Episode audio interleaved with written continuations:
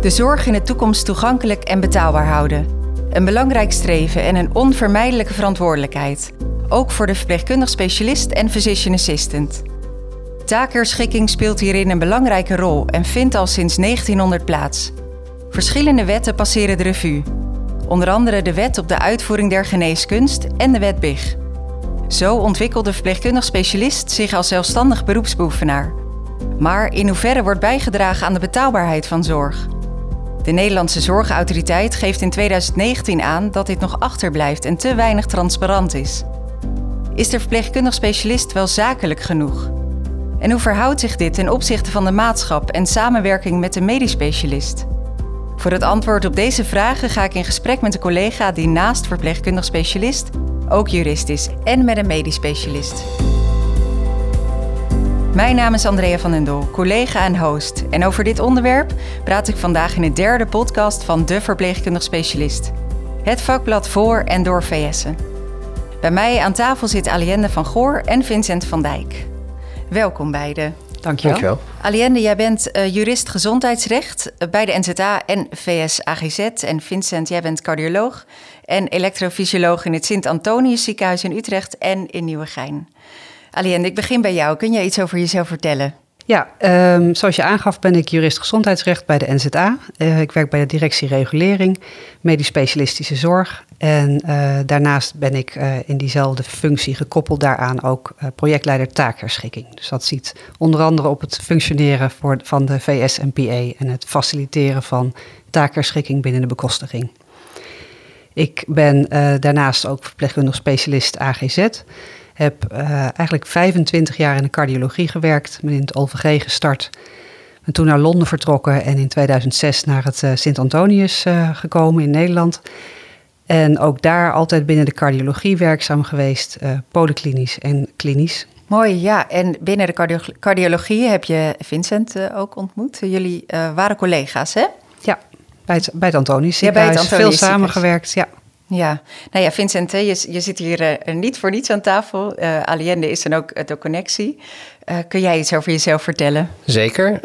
Um, dank voor de uitnodiging ten eerste. Ik, uh, ik werk, zoals je al zei, als cardioloog en specifiek elektrofysioloog. Dus dat betekent dat ik me met hartritmestoornissen bezighoud in het Antonius ziekenhuis, met name in Nieuwegein werkzaam. Ik kwam ook in 2006 daar werken, dus blijkbaar zijn we in hetzelfde jaar begonnen. Um, en heb daar eerst de opleiding tot cardioloog gedaan en daarna doorgeleerd tot elektrofysioloog. En inmiddels ben ik uh, acht jaar werkzaam als elektrofysioloog in het Antonius. En heb uh, in die hoedanigheid heel veel met Aliende samengewerkt. En uh, we hebben samen een aantal hele mooie projecten gedaan waar we straks eh, uitgebreid op terug gaan komen, denk ik. Ja, zeker. Ja, mooi. Fijn dat jullie hier samen aan tafel zitten. Hey, Alienne, wij hebben in oktober met elkaar gesproken op het congres, het jaarcongres eh, van de VNVMVS. En um, jij hebt tijdens dat jaarcongres aangegeven dat je wat podiumtijd wilde, uh, vanwege een belangrijke mededeling. Ja, dat, dat klopt. Ik zat uh, in het publiek en uh, de, een van de plenaire sessies was een hele mooie paneldiscussie. In het publiek, of in het panel, sorry, zaten, de, zaten verpleegkundige specialisten en een uh, arts. En het ging onder andere om de inzet van de VS. En uh, de arts maakte daarbij de opmerking dat het ook van belang was, net zoals artsen heel vaak in onderzoek, uh, waar ze zich in onderzoek op richten, is niet alleen de kwaliteit, maar ook kwantiteit. En dat dat wellicht bij de VS en PA nog wel wat meer onder de aandacht kan worden gebracht. Daarop kwam uit het publiek dat er werd geopperd van, nou, we zijn inmiddels een volwassen beroep. Iedereen weet toch dat wij bijdragen aan kwaliteit van zorg. Um, en waarom moeten we dan nu nog meer aantonen hoe um, onze inzet van belang is en mm -hmm. wat mhm. de impact daarvan is? Um, dat vond ik wel een reden om uh, daarop in te haken. En toen heb ik overlegd uh, nou, met, met de uh, congrescommissie of ik inderdaad die middag wat podiumtijd kon krijgen om daarop in te gaan. Ja, precies. Dus dat klopt. Ja. Um, en ik heb toen benadrukt in die, nou, de vijf minuten pitch die ik kreeg, waar mm -hmm. ik mhm. erg dankbaar voor was, dat ik, um, ja, weliswaar zijn we een, een mooi volwassen wordend beroep, maar we zijn nog geen volwassen beroep. En ik denk dat we los van de kwaliteit die we bieden, en uh, die ook reeds aangetoond is hè, met verschillende onderzoeken, ook moeten focussen op de, de inzet van de VS en PA Uh, hoe, hoe zich dat verhoudt naast de medisch specialist. En als je binnen een ziekenhuis bijvoorbeeld overlegt met de maatschap. Hè, ik heb het nu niet over kwantitatief onderzoek. Maar dat je juist ook komt met een sterke business case. En dat je je goed presenteert. Um, en daarbij heb ik ook aangegeven dat de NZA ook die kwantiteit, hè, de inzet van die VSMPE, de transparantie daarvan, dat we dat heel belangrijk vinden en dat we dat willen faciliteren in de regelgeving. Dat heb ik toegelicht op het podium. En dat dat wel degelijk van belang is als je met elkaar als zorgpartners uh, wil functioneren in de zorgmarkt. Ja, precies. Dus, en dat is dan ook die kwantitatieve data waarvan je aangeeft dat die nodig is. Ja, ja, ja, dus los van het kwantitatieve onderzoek moet je je ook gewoon sterk presenteren als partners in de zorg. Kom met een business case als je je presenteert binnen de eerste of tweede lijn. Ga, ga met de medisch specialist of met andere artsen waar je mee samenwerkt om tafel en kijk goed wat je kan bieden met elkaar. Maar los daarvan moeten we ook goed landelijk inzichtelijk krijgen hoe de verhouding is en wie welk aandeel in de zorg levert. Ja, zeker. Ja. En het, ik gaf in de introductie ook al aan hè, dat er veel verschillende wetten de revue gepasseerd zijn. Uh, kun je ons even meenemen in die wetten? Ik heb ze kort benoemd, maar kun je ons inhoudelijk meenemen zodat we ook weten waar het over gaat? Ja, zeker. zeker. Uh, daarbij refereer ik wel aan het artikel hè, in, in, het vakblad De Verpleegkundig Specialist. Ja, precies. Hè, van de, de, jaargang 17, nummer 1 maart 2022. Dat zeker. is uh, de laatst uitgegeven. De laatst uitgegeven ja, artikel. Precies. Inmiddels zo'n bijna bijna 12.000 keer gedeeld op LinkedIn. Mooi. Oh, dus dat heeft heel veel publiciteit gekregen. Fantastisch. Um, en daar sluit natuurlijk deze podcast heel mooi ook qua timing op aan. Um, dat artikel, uitgebreid artikel, gaat in op de hele ontwikkelingen, de historie, um, de huidige situatie en de toekomst van taakherschikking. En ook hoe dat eigenlijk een hele lange ontstaansgeschiedenis heeft. Al in de wet op de uitvoering der geneeskunst. Die, is, um, vanuit, die, die, komt vanuit 1865. Mhm. En um, die, die WUG die heeft heel lang bestaan, eigenlijk tot aan de wet BIG. En er is ook voordat de wet BIG tot stand kwam, jaren uh, gesproken over een verandering van die WUG tot uiteindelijk de wet BIG uh, ontstaan is. Daar is heel veel onderzoek aan vooraf gegaan. Veel onderzoekscommissies hebben zich daarover gebo gebogen. Dus ook voor de Tweede Wereldoorlog was men al aan het kijken of die uh, wettelijke kaders aangepast konden worden. Mm -hmm. En uh, even ter illustratie, die WUG die gaf um, de bevoegdheden tot uitoefening der geneeskunst aan artsen. En dat was alleen voorbehouden aan artsen. En die, die medische handelingen die waren veelomvattend. Um, daar behoorde bijvoorbeeld ook de bloeddrukmeting bij. Ja. Of de blaaskatheterisatie. Mm -hmm. En geleidelijk aan zien we ook in het begin van uh, eh, 1900 dat die handelingen, zodra ze routinematig werden um, en de risico's te overzien waren, geleidelijk aan verschoven naar de verpleegkundige. Je had toen veel minder beroepsdifferentiatie. Hè, dus je had vooral de arts en de verpleegkundige. Maar eigenlijk handelde die verpleegkundige dan onder totale supervisie van de arts, ook al was die op dat moment niet aanwezig. Mm En uh, was er dus eigenlijk een ver, sprake van een verboden handeling. Dus vandaar dat er al heel snel geopperd werd van die WUG, dat die groei, die moet, die moet aangepast worden, want de praktijk wijzigt. En dit zijn kleine voorbeelden van eigenlijk al het herschikken van taken. En je kunt je nu niet meer voorstellen dat een verpleegkundige zou zeggen tegen een arts: die bloeddrukmeting, mag dat is een medisch voorbehouden handeling, die mag ik niet doen. Nee, precies. en zo zie je dat er heel veel wijzigt geleidelijk aan in, uh, in, de, in de zorg. En uiteindelijk is de wet BIG ontstaan, waarbij er veel meer ruimte is gegeven aan de, aan de uitoefening der geneeskunst. En er zijn medisch voorbehouden handelingen opgenomen. En er zijn een heleboel andere handelingen vrijgegeven.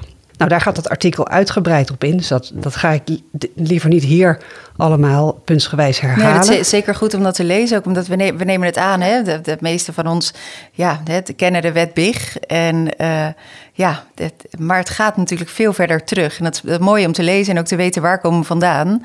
Maar ja, ook later, waar willen we naartoe? Ja, ja. zeker. Zeker ook waar willen we naartoe?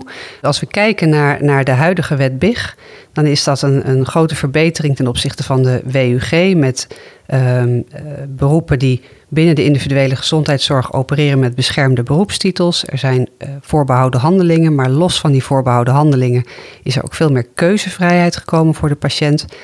Veel meer in vergelijking met de WUG. En kijken we naar de huidige wet BIG, binnen die voorbehouden handelingen kan je zeggen dat geeft mooie kaders om op verder te borduren. Ehm, maar eh, als we kijken naar die voorbehouden handelingen, geeft het ook wel weer een keurslijf. En je ziet dat de gezondheidszorg zich verder ontwikkelt. En je moet je dan ook afvragen of die voorbouwde handelingen, zoals ze er nu staan, nog passend zijn voor het huidige systeem. Dit is natuurlijk een wetbig die van kracht werd in de jaren 90. We zitten nu in 2022. Ja, dus ook en met wel wat ouder. ja, mhm. precies. En met het oog op de toekomst moeten we dus kritisch blijven kijken naar hoe die wetbig is vormgegeven en hoe die wellicht moet worden aangepast en toekomstbestendig moet worden. Dus blijven doorontwikkelen. Blijven doorontwikkelen, ja, mhm. ja zeker. Ik en die wet BIG, die richt zich op de, op de bevoegdheden van zorgverleners binnen, binnen de gezondheidszorg. En het bieden van veilige zorg, dat wordt gekaderd binnen de wet BIG en binnen de WKKGZ. En dat is de wet kwaliteit, klachten en geschillen in de zorg. En op basis van die wetten opereert bijvoorbeeld de inspectie. Dus die kijkt naar of er veilige zorg wordt geboden en of dat voldoet aan de wet BIG en aan de WKKGZ. En instellingen moeten ook voldoen aan bijvoorbeeld een, een klachtenfunctionaris die ze instellen op grond van de WKKGZ, zodat er een, een klachtenoptie voor een patiënt is. En ook dat is weer gericht met name op het behouden van veiligheid van zorg. Het bieden van veiligheid van zorg. Een klacht is altijd een kans, zeggen we. Omdat je dan kan kijken naar uh, wat bieden we en wat had er anders gekund. Als je daarnaast kijkt naar uh, wat de NZA biedt, is dat de NZA kijkt naar de bevoegdheden op een andere manier voor zorgverleners. En dat is juist de registratie en declaratie van zorg. Dus die kaders biedt de NZA. En dat is weer op, op grond van de wet marktordening gezondheidszorg. En dan kan je dus als zelfstandig bestuursorgaan, wat de NZA is, die regels stellen. En um, ja, de gezondheidszorg verder faciliteren, waaronder taakherschikking voor de VSNPA. Ja, en dat gaat dan om de, uh, om de diagnose-behandelcombinaties, de DBC's en de DOT. Maar je, je gaf aan dat, dat het uh, nog wel te weinig transparant is, hè? of dat de NZA um, het nog te weinig transparant uh, vindt. Wat, uh, ja, waar, waar moet ik dan aan denken bij dat woord?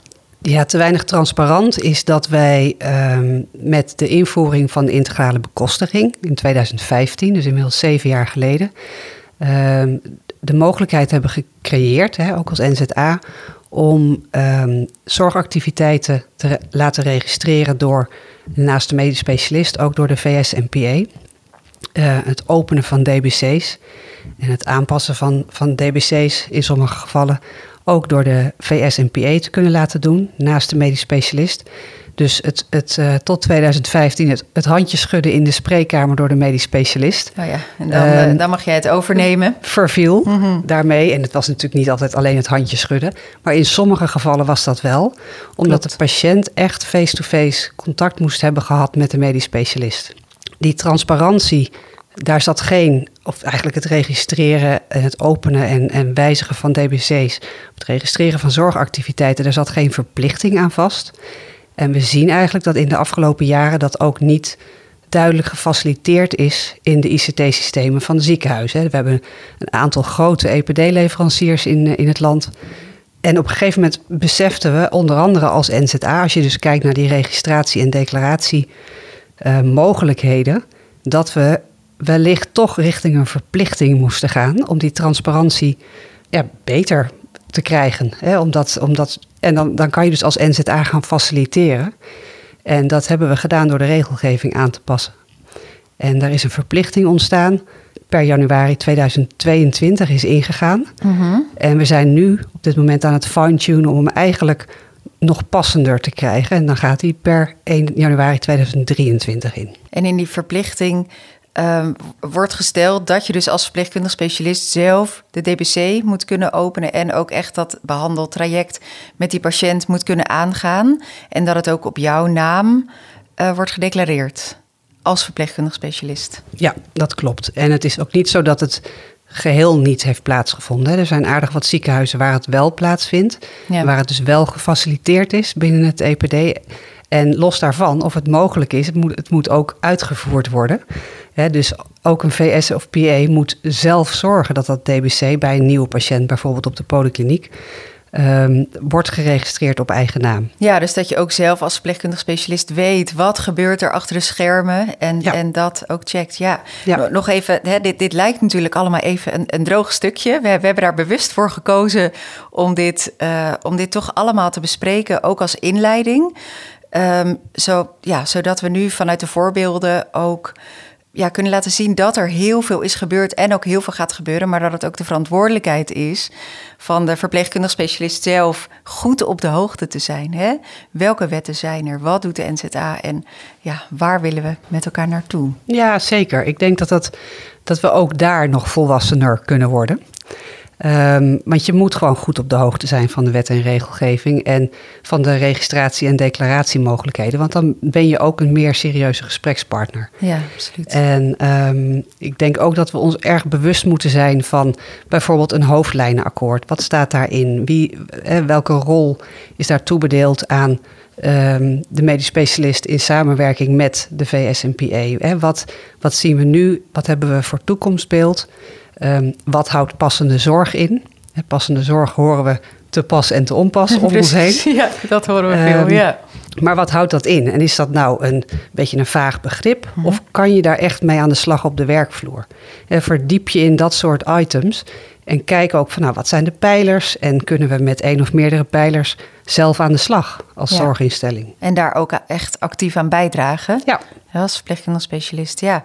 Het, Vincent, wat is, wat is jouw ervaring op de afdeling met uh, dit stukje takerschikking en met, uh, met de DBC's? Nou, over de, de, de praktische kant denk ik dat we zo een aantal voorbeelden gaan noemen. Ja, maar als klopt. je kijkt naar de, uh, de DBC's en de registratie van zorgactiviteit, ik denk dat het laatste punt veel belangrijker is. Want wie de DBC opent, is eigenlijk helemaal niet zo relevant. Het gaat er met name om hoe die wordt gevuld. Mhm. Uh -huh.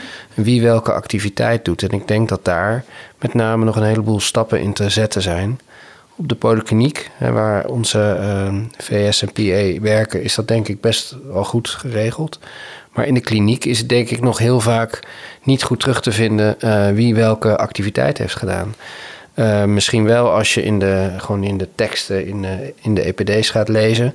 Maar als, het, uh, als je het terug redeneert naar zorgactiviteitregistratie, dan is lang niet altijd terug te vinden wie een bepaalde behandeling of controle of andere handeling heeft gedaan. En ik denk dat daar echt nog wel een heleboel winst in te pakken is. Ja, zeker. Helemaal mee eens. Ja. En wat we, dan, wat we ook onder andere terug horen, hè, is dat er natuurlijk altijd een zorg is voor een registratielast. Ja, de administratie. En uh, de, die administratielast. En, en daar hebben we ook heel serieus naar gekeken hoor. We hebben ook het afgelopen jaar weer veel met branchepartijen om tafel gezeten. Met alle EPD-leveranciers gesproken. En echt gekeken naar um, hoe is dit in het huidige systeem in te bedden.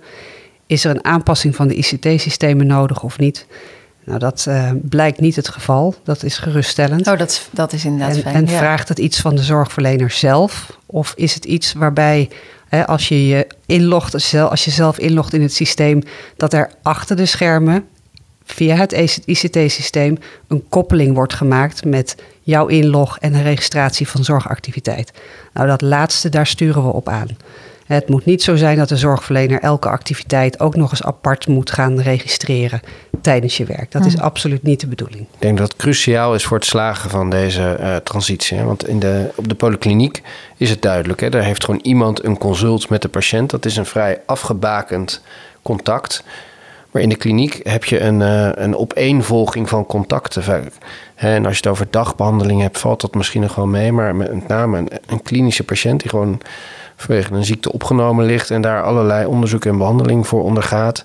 Daar komt een enorme batterij aan zorgverleners langs. En als die allemaal handmatig moeten gaan registreren dat zij een zorgactiviteit hebben verleend, dan wordt het systeem niet werkbaar. Dus we moeten echt toe, daar ben ik helemaal met Allende eens, naar een systeem dat op de achtergrond dat automatisch registreert. En je zou zeggen dat het helemaal niet zo moeilijk is, want iedereen die, uh, die vastlegt dat hij iets doet bij de patiënt, maakt, als het goed is, een, een notitie of een, in een dossier. Een, een order of wat Mhm. dan ook in Ja. het dossier. En dan zou je achter de schermen daar een, eh, een zorgactiviteit aan moeten kunnen koppelen.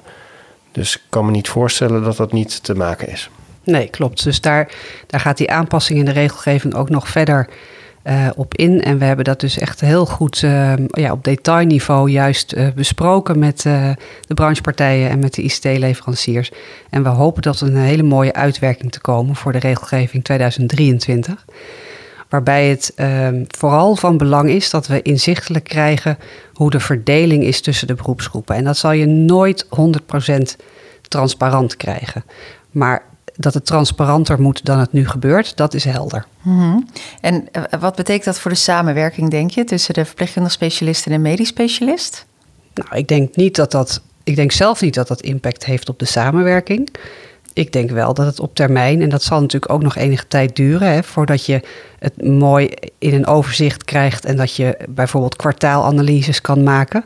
Eh, maar dat je elkaar in de toekomst ook steeds serieuzer neemt als partners in de zorg. En je noemde net al de business case. Ik denk dat die er ook heel belangrijk in is. Hè? Wat, er- wat je nu merkt in een ziekenhuis, met name in een ziekenhuis waar ik werk, waar je vrij gevestigd specialisme hebt, ehm, dat je een enorme discussie krijgt over de positie van de VS en wie dat dan betaalt. En ehm, moet het MSB dat betalen?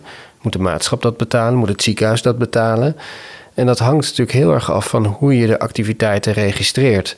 Als dat gewoon onder ehm, een zelfstandige activiteit is die dan weer onder een deel van het ziekenhuis valt, dan kan je zeggen: oké, dan is dat ook een deel wat bij het ziekenhuis hoort.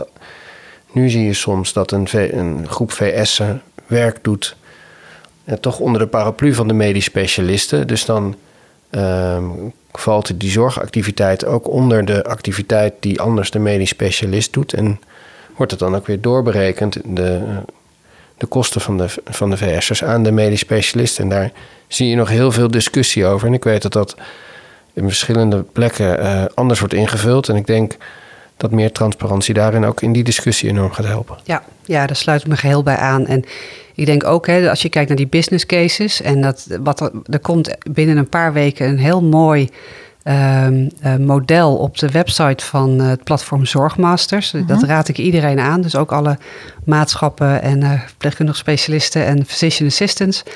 Dat is een model wat, je, wat iedereen kan gebruiken. En dat is op basis van onderzoek in meerdere ziekenhuizen. Dat heeft het Radboud eh, ehm, uitgevoerd. En daar kan je heel mooi inzichtelijk maken wat de kostenkant is van de inzet van een VSMPA. En er is natuurlijk wel degelijk een kostenplaatje, want je, je leidt mensen op. eh, maar er wordt een heel, heel mooi. En, en, je, en je zet mensen in. Hè, je zet mensen in in plaats van bijvoorbeeld een artsassistent of een VSMPA of PA die eh, deels het werk van een medisch specialist overneemt, waar het laag tot middencomplexe zorg betreft. En die kostenkant wil je dus goed inzichtelijk krijgen. En hoe verhoudt zich dat tot de inzet van de medisch specialist? En hoe verhoudt zich dat tot de overlegtijd hè, die je hebt met de medisch specialist? Hoeveel tijd is de medisch specialist daar kwijt? Et cetera. Dus die, die, dat model, dat kan, je heel mooi, dat kan je heel mooi als eigen business case model gebruiken. Waarbij je je eigen gegevens invoert. En eh, daarmee dus een mooie, sterke business case kan, kan presenteren. En zeker ook als je ergens nieuw wil starten of als je wil uitbreiden, heb je dat nodig. Het is een hele mooie tool. Als het goed is, is dat eh, dus over een week of drie beschikbaar. En ehm, de andere kant van het verhaal, hè, want dat is de kostenkant. Maar de andere kant van het verhaal is de inkomstenkant. En, ehm, en dan kan je dus kijken naar die, die transparantie die we willen bereiken. Met eh, de inzet en de verdeling eigenlijk van zorg. ehm, in combinatie met de medisch specialist en de verhouding met de VS en de PA. Ja, dus eigenlijk eerst het inzicht krijgen, dat is belangrijk Ja. om te kijken naar wat, wat kost het. En dan daarna ook kijken naar het toewerken, lijkt me, om die kosten beheersbaar te houden. Want dat is waar we wel naartoe willen. Ja, absoluut, absoluut. En dat is natuurlijk ook waar passende zorg zich onder andere op richt. Het betaalbaar houden van de zorg. En eh, weet je, we hebben, we hebben natuurlijk, we, zijn, we hebben te maken met een enorme toename van kosten. En er is een verantwoordelijkheid, een gedeelde verantwoordelijkheid, vind ik, ehm, voor zowel de zorggebruiker, de patiënt, en ehm, de patiënten van de toekomst ook. Eh, maar ook een verantwoordelijkheid voor de zorgaanbieders en de zorgverzekeraars. We moeten echt met elkaar aan de slag om, om die zorg betaalbaar en toegankelijk te houden. We zitten nu op ongeveer 100 miljard. En in 2040 zitten we, als we kijken naar de schattingen van het RIVM, op, op 176, 178 miljard euro. Dus als wij niet de zorg aanpassen en op een andere manier gaan aanbieden en veel meer met elkaar gaan aanbieden, dan eh, is dit systeem niet houdbaar. Nee, en dan nee. gaan de zorgpremies meer dan verdubbelen. en dat is Mhm. niet op te brengen. Dus we moeten met elkaar goed kijken naar hoe we de zorg anders gaan aanbieden. En hebben jullie vanuit de praktijk daar voorbeelden over? Zeker. Ehm, ik kan iets vertellen over de, de atriumfibrillare poli. Ik denk dat dat een heel mooi voorbeeld is van de, eh, hoe we de taken hebben herschikt op onze afdeling. Eh, en Aliende en ik hebben dat eigenlijk samen met een, met een team eh, opgezet. Hè. Dat ging om patiënten die vanuit allerlei hoeken verwezen werden naar de polycardiologie vanwege atriumfibrilleren. Dat kan vanuit de huisarts zijn, dat kan vanuit de eerste hulp zijn, dat kan vanuit de neuroloog zijn die een patiënt eh, zag met een beroerte waarbij atriumfibrilleren werd ontdekt. En wij wilden daar een service verlenen voor de patiënt en voor de verwijzer door die patiënt in één in een one-stop-shop model eh, in kaart te brengen met, met onderzoeken, met een conclusie en meteen een beleid. En we zijn begonnen om dat door ehm, een groepje van aanvankelijk twee verpleegkundige specialisten te laten doen. In het begin eh, onder vrij directe supervisie van een van de cardiologen, waaronder ik, eh, waar ik dan een rol in had. Ehm, voorzichtig begonnen met twee patiënten eh, uitgebreid de tijd nemen. En ehm, waarbij je dan ziet dat in het begin er, dat even moet groeien, even wennen, eh, veel eh, supervisie. Eh, maar waarbij dat eigenlijk gegroeid is tot een, een zelfstandig opererende polykliniek. Waarbij de verpleegkundige specialist of physician assistant de patiënt zelf ziet. ehm, de onderzoeken beoordeelt, of die worden dan in het geval van een echo door een van de cardiologen beoordeeld. Een conclusie trekt en een behandelplan opstelt. En dat in veel gevallen zelfstandig ook met de patiënt bespreekt. En met name in een situatie waar er andere dingen worden ontdekt. Een lekkende hartklep, hartfalen, andere problematiek, eh, vreemde eh, labafwijkingen. eh, wordt dat wat uitgebreider besproken met een van de cardiologen. Maar eigenlijk werken ze steeds zelfstandiger. En op een gegeven moment zijn ze ook follow-up gaan doen. Die polykliniek was bedoeld om patiënten ook direct weer terug te kunnen verwijzen naar de huisarts. Maar er komt altijd een bij een deel van de patiënten een vervolg. En inmiddels eh, doen ze een groot deel van het vervolg ook zelf. Nou, waarbij mooi. ze ook Ja, heel eh, zelfstandig eh, werken. En ik denk dat dat een prachtig voorbeeld is Zeker. van ehm, hoe de verpleegkundig specialist heel zelfstandig een behandelrelatie met een patiënt heeft, waar in veel gevallen niet eens meer een medisch specialist aan te pas komt. Nee, en waarin de verpleegkundig specialist ook dan zelf besluit: oké, nu eh, heb ik de medisch specialist nodig, omdat, eh, omdat daar een afwijking is gevonden eh, waar we met elkaar naar moeten kijken. Absoluut. En ehm, daar zit, dat, zit een enorme groei in. We zijn nog ook heel veel verpleegkundige specialisten aan het opleiden. Dus dan begint soms dat traject weer een beetje opnieuw. Maar je ziet dat er heel snel een enorme groei in zelfstandigheid in zit. Waarbij je begint met alles bespreken. En je eindigt met alleen bespreken als er gekke dingen zijn. En ik denk dat dat ook is waar je in een dergelijk geval naartoe wil. Ja, en ik hoor je zeggen supervisie. Nou, nou weet ik dat als verpleegkundig specialisten, eh, nou ja, de term supervisie eh, ja, niet gebruiken, hè, maar we werken samen en we zijn zelfstandig beroepsbeoefenaar. Hoe, hoe zie je dit in, eh, dat in dit verhaal? Of kun je dat uitleggen waarom je dat zo noemt? Zeker. Ehm, ik denk dat het in het begin echt supervisie was. Hè. Het was nieuw. Ehm, de verpleegkundige specialisten hadden toch beperkte ervaring op de polykliniek met deze patiëntengroep. Dus dan is het echt supervisie. En dan maak, ga je echt samen het, het, eh, het, het hele plan doornemen. Dat verwordt tot inderdaad samenwerken. En op dit moment is er denk ik alleen nog supervisie als er een nevenbevinding uit een van de onderzoeken komt die echt buiten het spectrum van de atriumfibrillare poli en de standaard atriumfibrillare patiënt, voor zover die bestaat, eh, valt. Hè. Dus echt serieuze afwijkingen, een ernstig hartklepprobleem, een diepe bloedarmoede. Nou, we, we komen de gekste dingen tegen. En, en dan merk je dat dat dan buiten de bekwaamheid van de verpleegkundig specialist kan vallen. Ehm, en dan kan je weer spreken over supervisie. Maar in, in de praktijk is het voor een groot gedeelte samenwerking. En in een steeds kleiner ehm, deel van het traject is het supervisie. Eh, en hoe zie jij dat, Aliende? Ja, ik, ik kan me daar alleen maar eh, geheel bij aansluiten. Dus eh, ehm, ik, ik hamer er altijd op dat de verpleegkundig specialist een autonoom functionerend zorgprofessional is. Mhm.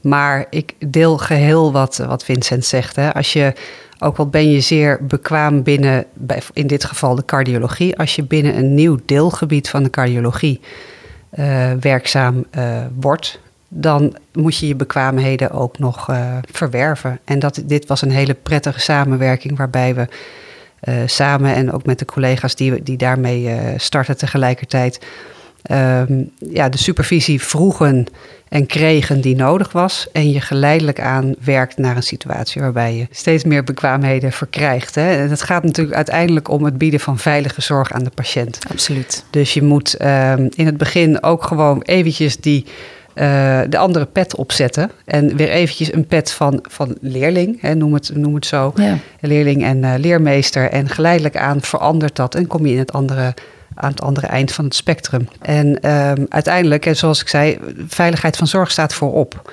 En, en dan kijk je met elkaar hoe je de bekwaamheden verkrijgt. En, en uiteindelijk staan daar, denk ik, staat daar nu, en daar ben ik natuurlijk nu niet meer deel van, maar daar heb ik een tijd deel van mogen zijn. Staat er een heel bekwaam team van verpleegkundige specialisten en een, gelo- geloof ik nu een PA in opleiding. Dus dat is heel fraai, eh, waarbij er niet alleen de AF-zorg wordt geboden, maar ook een heleboel andere eh, deelgebieden waar we in gestapt zijn toen. Eh, klinisch, polyklinisch, cardioversies. En ben je daar bekwaam in, dan neem je het geheel over, of neem je echt delen van de zorg geheel over van de medisch specialist en overleg je waar nodig. Stap je daar nieuw in, dan ga je eh, rustig aan met elkaar aan de slag.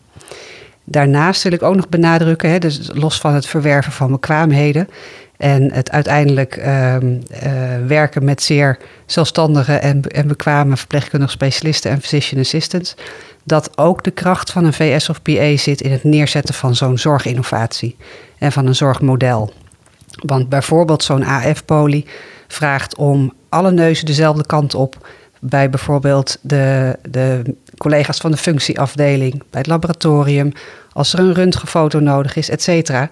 Ehm, al die disciplines moet je daar wel in meenemen. Dus ook dat, dat stukje organisatie van zorg is ehm, ja, zeer geschikt voor de VSNPA om op, op zich te nemen. En dat begint dan ook weer bij zo'n business case? Dat kan, maar dat is natuurlijk ook weer... Een business case is de inzet van de VSNPA waar je naar kijkt. Mhm. Maar ook daar kan je dat natuurlijk breder trekken en kijken van... oké, wat kost zo'n nieuw zorgmodel? En, maar dan moet je ook alle andere disciplines daarin betrekken. Ja. Maar ook dat kan, ja. Mhm. ja.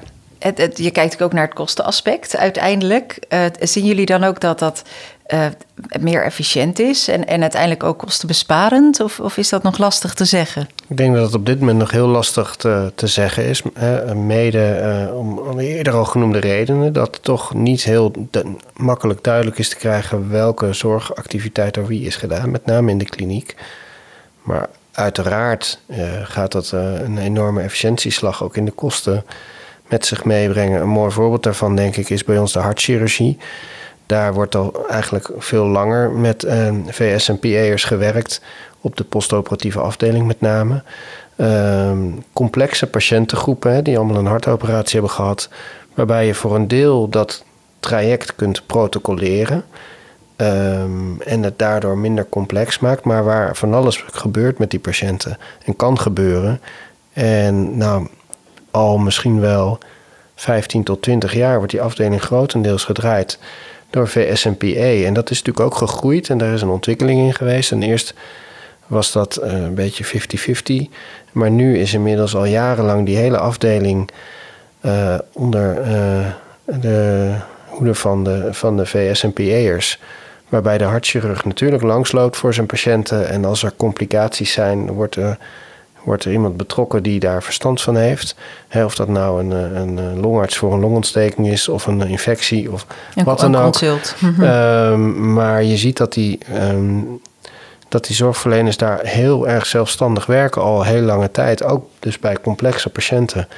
Waarbij hele goede eh, behandelprotocollen, herstelprotocollen ehm, met alle betrokkenen zijn opgesteld. Ja, dat kan niet anders dan dat dat ook kostenefficiënt en effectief is. En kan het ook zijn dat, dat, je bijvoorbeeld wel in kwaliteit verbetert, maar dat dat ehm, nog niet heel erg efficiënt is? Of dat het zelfs wellicht even een tijdje duurder is of dat het een investering is? Zeker. Ehm, een mooi voorbeeld daarvan is uh, de transitie naar dagbehandeling. Dat gebeurt op een heleboel vlakken. In een aantal chirurgische vakgebieden, maar ook bij ons. Zo doen wij uh, dotterbehandelingen en ablatiebehandelingen bij hartritmestoornissen. Die mensen bleven altijd een nachtje in het ziekenhuis en werden de volgende dag ontslagen. En dat, dat deel van de behandeling werd eigenlijk de laatste jaren al helemaal door de VS'ers uh, gedaan. En op een gegeven moment, een beetje bij het begin van corona, waren we daar net mee bezig om te kijken van kan dat niet in dagbehandeling. Nou, toen kwam corona, zijn we dat maar gewoon gaan doen. En dan zie je dat het eigenlijk heel goed werkt. Het is voor de patiënt vaak prettiger, dus die gaat een uur of vijf na de behandeling gewoon naar huis. Um, dat vindt de patiënt prettig. Uh, het is efficiënt. Natuurlijk, uh, het levert weer een, een, een vrij bed op. Bed, ja. De patiënt hoeft niet de nacht te blijven. Mhm. Misschien kan je dat bed voor een andere patiënt gebruiken. Uh, en we hebben onderzocht of dat veilig is. En dat blijkt ook veilig te zijn. Ehm, het nadeel daarvan is dat het ziekenhuis een nachtopname kan declareren. En dat levert het ziekenhuis een hoop geld op. Mhm. En een dagbehandeling levert veel minder op. Terwijl als je kijkt wat je nou bespaart aan kosten, hè, de dokter die de behandeling doet, de VS die, uh, die het deel op de afdeling doet, die hebben eigenlijk de, net zoveel inzet en zorgactiviteiten aan die patiënt. Je bespaart misschien een verpleegkundige die de nacht die afdeling uh, bemant. Ja. Want in de praktijk, dat bed ga je niet voor die paar uur met een andere patiënt bezetten. Dat valt heel erg tegen. Maar de kosten van die ene verpleegkundige, die wegen bij lange na niet op tegen um, de, het verlies aan omzet wat het ziekenhuis eigenlijk draait. En, en dat is denk ik een heel mooi voorbeeld van efficiëntere zorg, waarbij je als ziekenhuis, als bedrijf, jezelf best een beetje in de vingers kan snijden. En daar moet je dus met onder andere de zorgverzekeraar over in gesprek.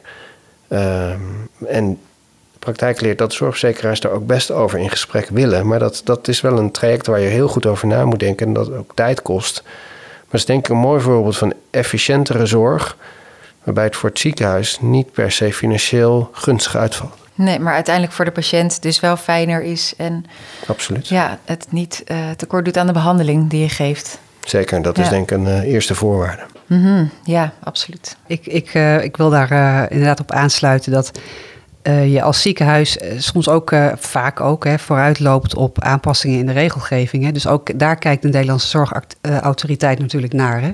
Als NZA moet je ook kijken van oké, okay, welke beweging is er in de, in, bij de zorginstellingen? Um, welke innovatie, welke inzet wordt er geboden richting die passende zorg? En hoe kan je daar ook weer de DBC-systematiek enigszins op aanpassen. Zodat dat meegroeit met uh, dit soort uh, innovatie in zorg. En inderdaad levert de dagbehandeling minder op dan een, dan een nachtopname. Uh, daarentegen moet je ook kijken naar, als je zo efficiënte zorg aanbiedt, dat je ook meer patiënten per dag kan behandelen. En, en daar levert het ook weer meer op voor de zorginstelling. Dus daar moet je gewoon samen heel kritisch naar kijken. Um, verder wilde ik nog een aanvulling maken als het kan. Um, wat je aangaf, hè, van levert het nou meer op of kost het meer? Mhm. Er is nog een heel mooi model wat, uh, wat onder andere in het Antonius is neergezet, maar in heel veel ziekenhuizen in Nederland, waarbij de cardioversies bijvoorbeeld zijn, worden aangeboden hè, door de VSNPA, waarbij er echt een hele duidelijke efficiëntieslag is uh, geslagen. En we, uh, als je even puur naar productiedraaien kijkt, en dat klinkt oneerbiedig als je het hebt over patiënten, um, maar tegelijkertijd voor de patiënt is het duidelijke verkorting van de wachtlijst. Dus dat is heel prettig. Het is ook weer uh, voordelig voor de patiënt. Maar sinds de VSNPA dat hele traject hebben overgenomen van de artsassistent, die dit uh, naast het werk op de afdeling altijd moest doen, dus slecht beschikbaar was daardoor. Uh, de anesthesist die dat altijd naast de, de operaties deed, de beschikbaarheid bij de operaties deed, hebben we ook dat, uh, dat um, hele traject goed onder de loep genomen en gekeken van oké, okay, hoe kunnen we het traject stroomlijnen? En uiteindelijk heeft dat geresulteerd in een meer dan verdubbeling van het aanbieden van cardioversies per dag. Dat, dat is aanzienlijk. Dus dat is opbrengst, dat is winst. Mm-hmm. Ja, dus daarmee zeg je ook investeer daarin en ja. kijk ook wat er mogelijk is en zorg dat je, dat je dus ook de vrijheid krijgt om daarin te groeien. Ja, precies, precies. En dat is het mooie hè, met de cardiologen bij het Antonius, dat daar de ruimte voor was en dat je echt samen ging kijken van oké, okay, waar zijn de hiaten, waar zijn er mogelijkheden, waar kunnen we instappen? En dat je daar de vrijheid in krijgt om dat met elkaar uit te proberen. Ehm, en rustig aan te ontwikkelen tot je uiteindelijk een sterk model hebt. Dat, vind ik, dat vond ik heel prettig in de samenwerking. Mhm.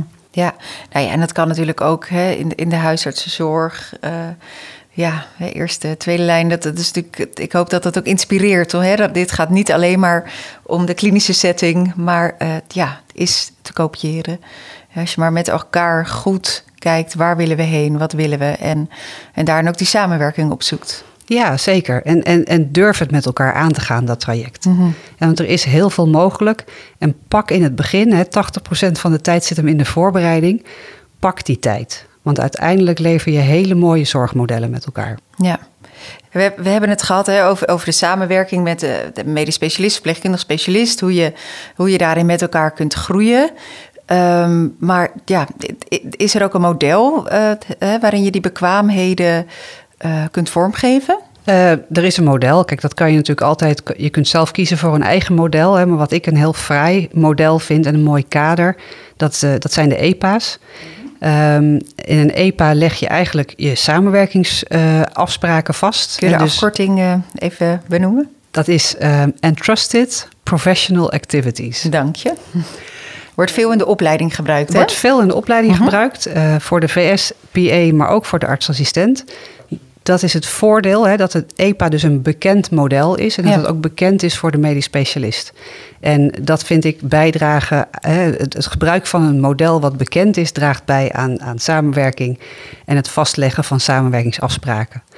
En uh, zo'n EPA is, is beknopt, uh, maar legt heel precies vast bijvoorbeeld als je in een situatie zit waarbij je start met een bepaalde bekwaamheid, maar je wil die bekwaamheden uitbreiden en je wil dat goed vastleggen, dan is het EPA daar, een EPA is daar een heel mooi model voor. Dat kan je voor verschillende deelgebieden binnen je specialisme gebruiken. En uh, dat kan je ook bij tijd en wijle goed evalueren en dan ga je weer een stap verder. En wat, wat wel eens is uh, geopperd, hè, is dat, er, dat, er, uh, dat die EPA eigenlijk alleen maar in een opleidingssituatie gebruikt moet worden. En dat het zou afdoen aan de positie van een VS of ja, PA. Dat je, dat je weer teruggaat. Ja, precies. Mm -hmm. En, en het is een VS of PA die klaar is met de opleiding. Maar eigenlijk gaan we daarmee, hè, haken we terug op waar we het net over hadden bij de start van de AF-poli. Uh, je stapt in een nieuw deelgebied. Je wil dat er veilige, veilige zorg geboden wordt. En dan moet je rustig aan die bekwaamheden verwerven. En EPA is een heel mooi kader om dat vast te leggen. En, en daarbij heb je ook een heel mooi naslagwerk om jouw bekwaamheden aan te tonen en te, te laten zien hoeveel patiënten je bijvoorbeeld hebt gezien op een poli of hoeveel klinische patiënten je hebt uh, gezien, besproken en, en hoe je die bekwaamheden uiteindelijk hebt verworven. Mm -hmm. Het enige nadeel van de EPA-systematiek in deze samenwerking is dan dat het wel in de verschillende stappen heel erg over supervisie gaat. Uh, en we hebben net juist besproken dat we het niet over supervisie, maar over samenwerking moeten hebben. Ja, Hoe kijk je, je daar beetje, dan tegenaan? Ja, ja dat, is het opleidings... Uh... dat is een heel goed punt. Maar uh, inderdaad, maar als je kijkt naar de EPA-structuur, dan begin je inderdaad in die supervisie. Mm -hmm. dus de, de situatie dat je supervisie ontvangt. Maar uiteindelijk ga je naar een situatie, en ik geloof dat dat score 5 of 6 is, waarbij je zelfstandig functioneert. En de laatste stap is waarbij je anderen superviseert.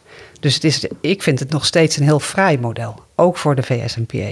Dus nog steeds relevant en, en belangrijk om um, hè, die supervisie als, als positief mee te nemen richting de samenwerking.